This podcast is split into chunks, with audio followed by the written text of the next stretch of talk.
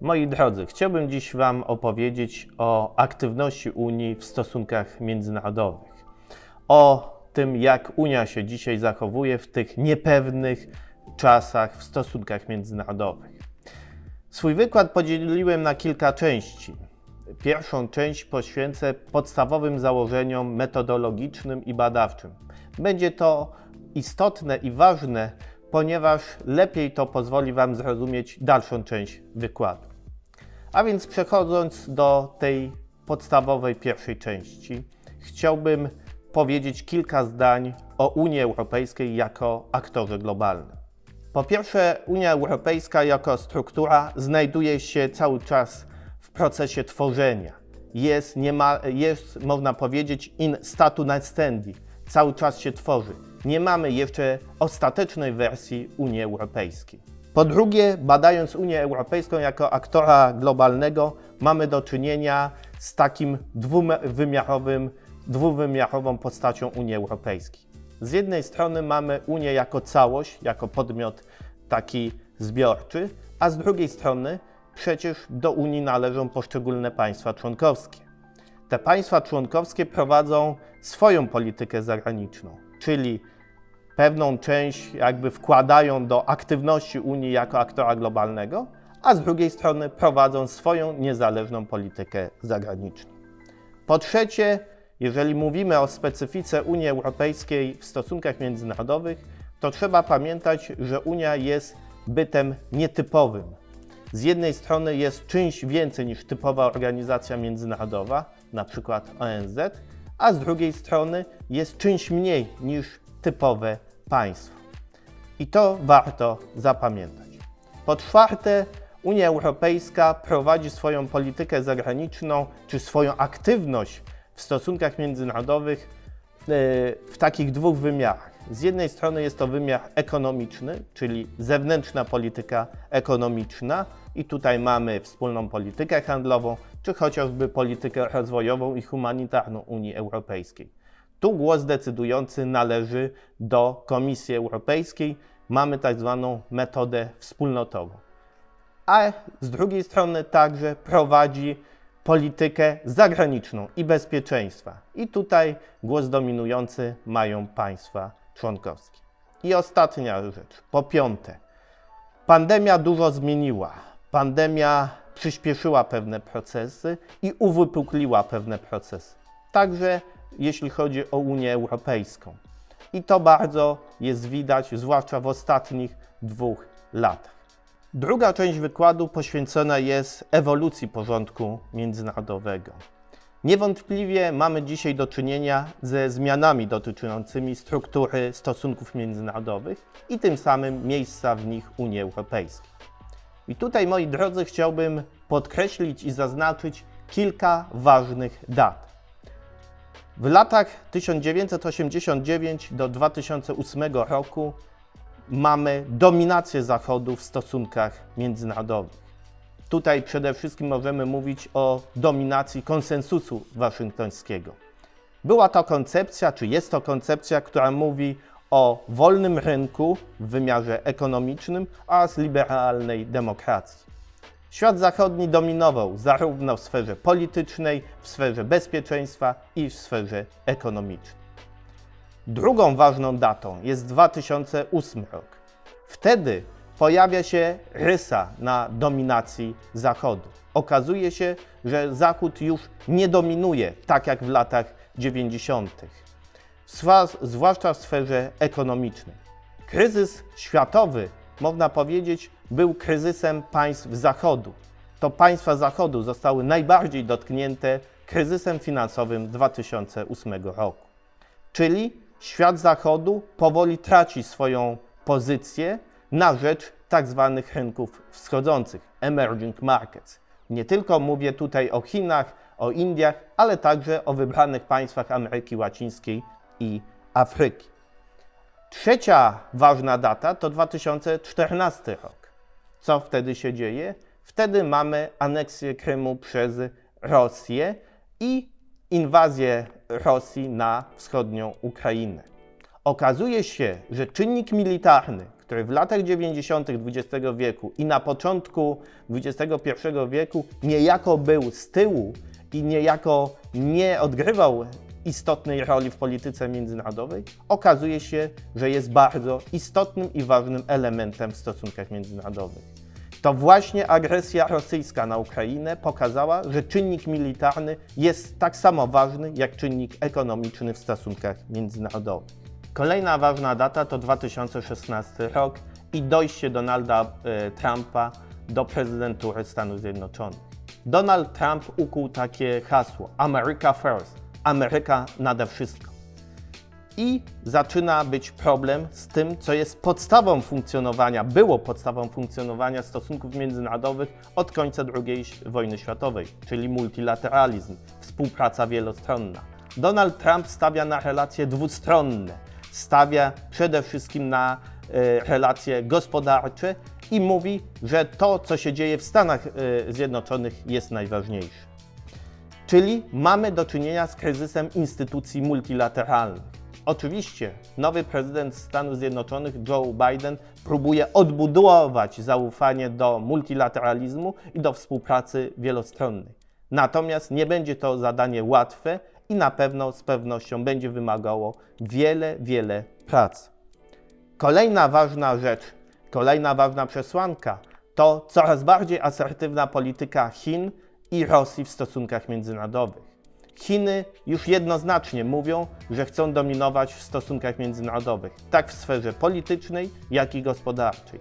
Rosja też coraz bardziej zachowuje się coraz bardziej asertywnie. Przykładem to jest y, oczywiście przykład to jest y, aneksja Krymu, czy chociażby wydarzenia z y, 2022 roku, z początku y, roku 2022 i y, próba zastraszenia Ukrainy. Tym samym wszystko to powoduje, że mamy do czynienia ze zmianą struktury porządku międzynarodowego. Wciąż nie wiemy, czy to będzie nowy porządek międzynarodowy, czy nastąpi pewna tylko ewolucja dotychczasowego porządku międzynarodowego. Część trzecia wykładu będzie dotyczyła Unii Europejskiej i jak Unia Europejska odpowiada czy reaguje na zachodzące w stosunkach międzynarodowych zmiany. Po pierwsze, trzeba powiedzieć, że te zmiany, które zachodzą w strukturze międzynarodowej, nie są korzystne dla Unii Europejskiej. Dlaczego? Tutaj pozwolę sobie wyróżnić kilka punktów. Po pierwsze, Unia Europejska jest dzieckiem multilateralizmu i neoliberalizmu. A tak jak przed chwileczką powiedziałem, dzisiaj multilateralizm jest w kryzysie, a także neoliberalizm jest w kryzysie. Po drugie, Unia Europejska jest tak zwanym soft power, tak zwanym miękkim mocarstwem, które oddziaływuje na świat poprzez instrumenty ekonomiczne, polityczne, dyplomatyczne. Unia Europejska nie jest hard power, nie jest takim typowym mocarstwem jak Stany Zjednoczone, Chiny czy Rosja. Po trzecie, Unia Europejska jest mocarstwem normatywnym i jest mocarstwem niewojskowym. A to też nie są dobre cechy na dzisiejszy czas. Po czwarte, Unia Europejska nigdy nie była dobra, jeśli chodzi o kwestie geopolityczne. Unia Europejska, i to jest piąta rzecz, przede wszystkim bazuje na negocjacjach, na dyplomacji wielostronnej. A dzisiaj mamy do czynienia z power politics, czyli przede wszystkim z działaniami mocarstw, z działaniami dwustronnymi. Unia Europejska, by sprostać wyzwaniom dzisiejszego świata, musi być przede wszystkim spójna i musi mówić jednym głosem. A to nie jest łatwe, oczywiście. Mamy wiele przykładów, kiedy Unia nie mówi jednym wspólnym głosem. To jest najważniejsze wyzwanie przed Unią Europejską. Żeby być silnym aktorem w stosunkach międzynarodowych, przede wszystkim Unia Europejska musi mówić jednym silnym głosem. Ostatnie wydarzenia związane z Ukrainą pokazują, że Unia pomimo wielu różnic może osiągnąć konsensus, pewien wspólny konsensus i może stanowczo mówić jednym głosem. Należy też pamiętać, że dotychczasowe kryzysy, które miały miejsce w Unii Europejskiej, a tych kryzysów było kilka. Wymienię chociażby kryzys konstytucyjny w 2005 roku związany z nieprzyjęciem traktatu mm, konstytucyjnego Unii Europejskiej, kryzys strefy euro 2008 rok, kryzys migracyjny 2015 rok, czy kryzys związany z Brexitem i ten ostatni, kryzys związany z pandemią. Wszystkie te kryzysy pokazały z jednej strony słabość Unii y, Europejskiej, a z drugiej strony pewną odporność Unii Europejskiej i próbę odpowiedzi na te kryzysy. Należy jednocześnie pamiętać, że wspomniane wyżej kryzysy nie zakończyły się. Nie zostały wprowadzone wszystkie elementy i nie zostały implementowane wszystkie reformy, które przedstawiła Unia Europejska. Należy też pamiętać, że to, co dotychczas funkcjonowało w Unii Europejskiej, a więc, że Unia rozwija się od kryzysu do kryzysu, wydaje się dzisiaj niewystarczające. Unii Europejskiej potrzeba nowej siły napędowej, a myślenie, że Unia będzie się rozwijała od kryzysu do kryzysu, to zbyt za mało. I ostatnia rzecz. Następuje ewolucja porządku międzynarodowego. I dzisiaj tak naprawdę nie wiemy, jak zachowają się inne wielkie mocarstwa dzisiejszego świata. Stany Zjednoczone, Chiny, Rosja. I tu Unia Europejska musi być czujna. To, co jest najważniejsze, to to, że dzisiaj Unia Europejska dobrze diagnozuje. Diagnozuje, że należy podjąć pewne reformy i należy się zmieniać. Takim doskonałym przykładem są wypowiedzi polityków już e, byłej kanclerz Niemiec Angeli Merkel i innych polityków europejskich, którzy mówią, to, jak dotychczas funkcjonowała Unia Europejska, to jest niewystarczające. Musimy się zmieniać, bo zmienia się otaczający świat. Unia Europejska, wychodząc naprzeciw e, wyzwaniom współczesnego świata, przedstawia pewne propozycje, pewne koncepcje. Pierwszą taką koncepcją była zreformowana Europejska Strategia Bezpieczeństwa z 2016 roku. Jakbyście ją porównali do strategii z 2003 roku, to widać istotną różnicę. Ta strategia z 2016 roku wprost mówi: świat się zmienia, otoczenie międzynarodowe Unii się zmienia i to wymaga od Unii Europejskiej bardzo konkretnych działań, bardziej asertywnej polityki, bardziej realistycznej polityki. W podobnym tonie wypowiada się przewodnicząca Komisji Europejskiej Ursula von der Leyen, która na początku swojej kadencji ukuła taki, takie hasło geopolityczna Komisja Europejska. Chociaż nie jestem osobiście zwolennikiem takiego hasła geopolityczna Komisja Europejska, to co miała na myśli pani przewodnicząca Komisji Europejskiej? Otóż miała na myśli to, że Unia Europejska musi w sposób bardziej zdecydowany odpowiadać na wyzwania współczesnego świata, na wyzwania, które są tuż za granicami Unii Europejskiej, ale także na wyzwania globalne. Prezydent Francji Emmanuel Macron także stworzył swoistą koncepcję. Mówił o tak zwanej autonomii strategicznej, później to się zmieniło w suwerenność strategiczną. Początkowo to hasło dotyczyło tylko polityki bezpieczeństwa i, polityki zagranicznej Unii Europejskiej, ale później zostało rozszerzone na takie kwestie jak kwestie ekonomiczne, wolny handel, kwestie związane z rozwojem technologii, technologii cyfrowej, kwestie związane ze sztuczną inteligencją, z półprzewodnikami. Mówiąc krótko, jeśli mówimy o suwerenności strategicznej czy o autonomii strategicznej, to chodzi o to, żeby Unia Europejska była w większym stopniu niezależna od otaczającego go świata i niezależna od podmiotów trzecich. Jeśli chodzi o wyzwania, to chciałbym Wam wyróżnić takich pięć głównych wyzwań, przed którymi stoi Unia Europejska. Pierwsze wyzwanie to szeroko pojęte stosunki transatlantyckie ułożenie na nowo tychże stosunków, czyli relacji między Unią Europejską a Stanami Zjednoczonymi.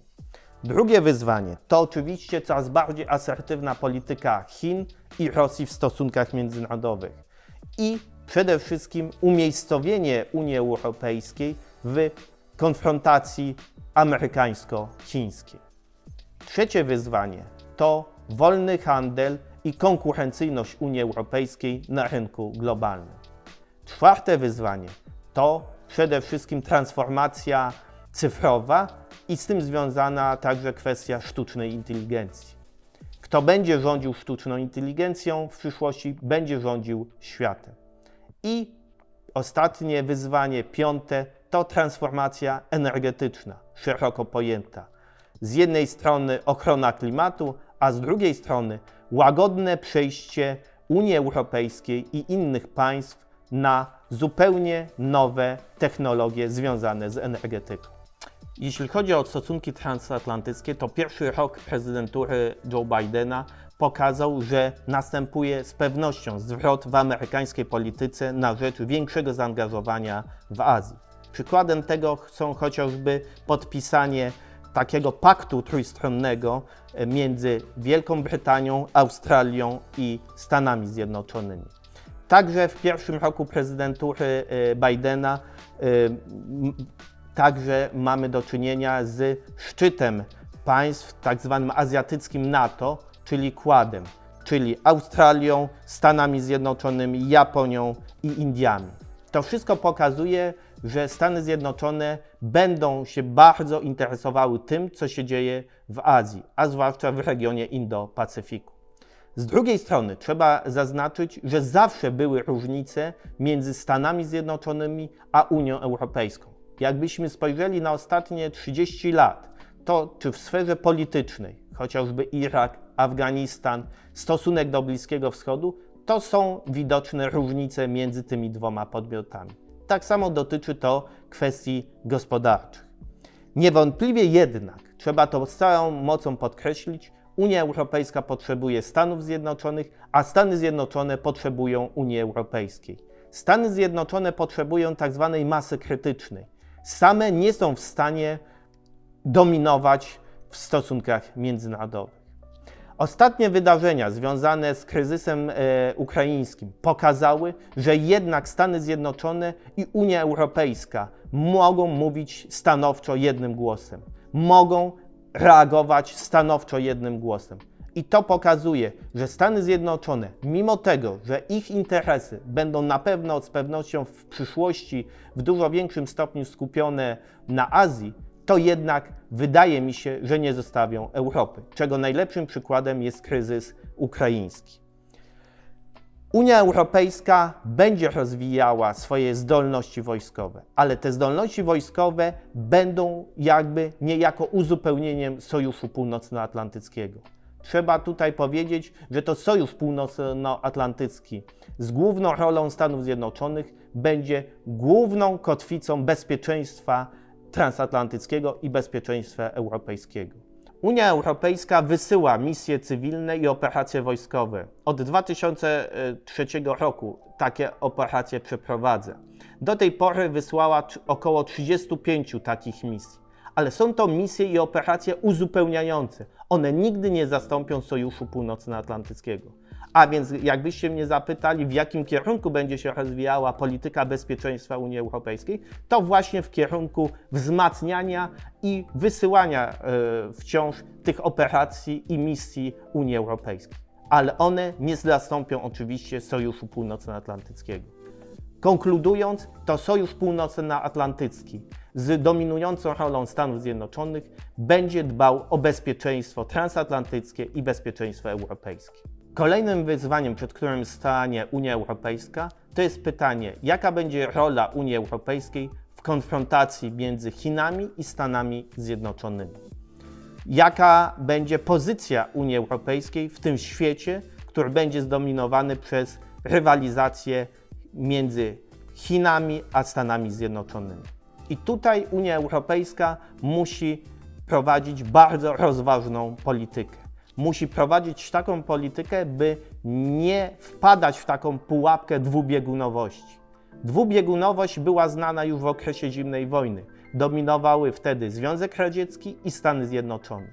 Dla takiego podmiotu jak Unia Europejska pułapka dwubiegunowości oznacza to, że jej pozycja, czyli Unii Europejskiej, będzie coraz słabsza.